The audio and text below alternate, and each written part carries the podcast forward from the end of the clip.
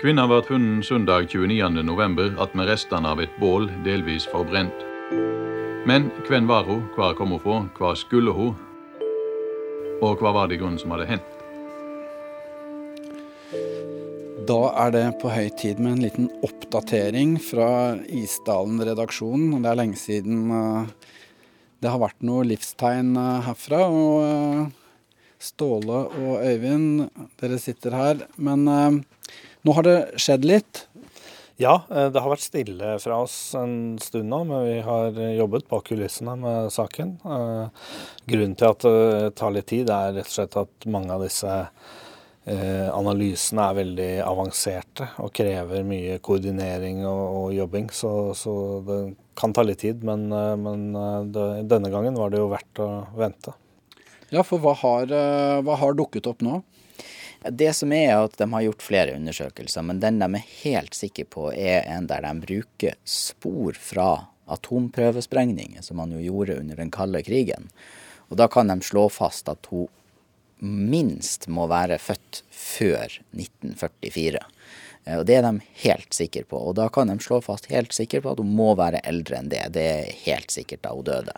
For ellers ville hun hatt spor av prøvesprengninger i emaljen, er det sånn? Ellers ville hun hatt spor av prøvesprengninger i emaljen ved at noen sånne isotoper av stoffet karbon hadde vært tatt opp mer i tennene enn hvis eh, hun ikke hadde vært eh, Altså hvis hun hadde ikke vært født eh, da.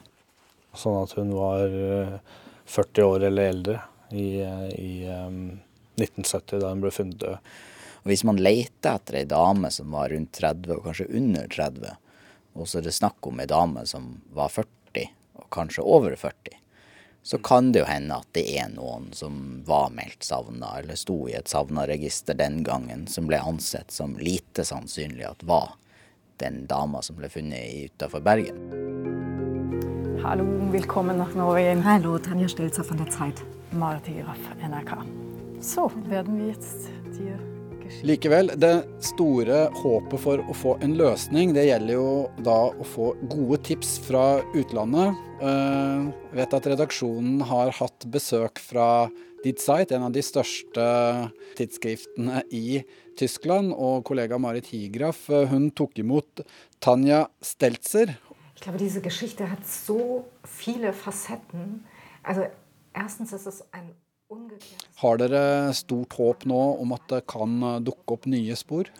Ja, det er ingen tvil om at dette er veldig viktig for oss. Uh, å få saken ut i Europa, der hvor, der hvor, svaret ligger. Og kanskje spesielt i Tyskland, som, hvor det er veldig mye som tyder på at hun kom fra opprinnelig.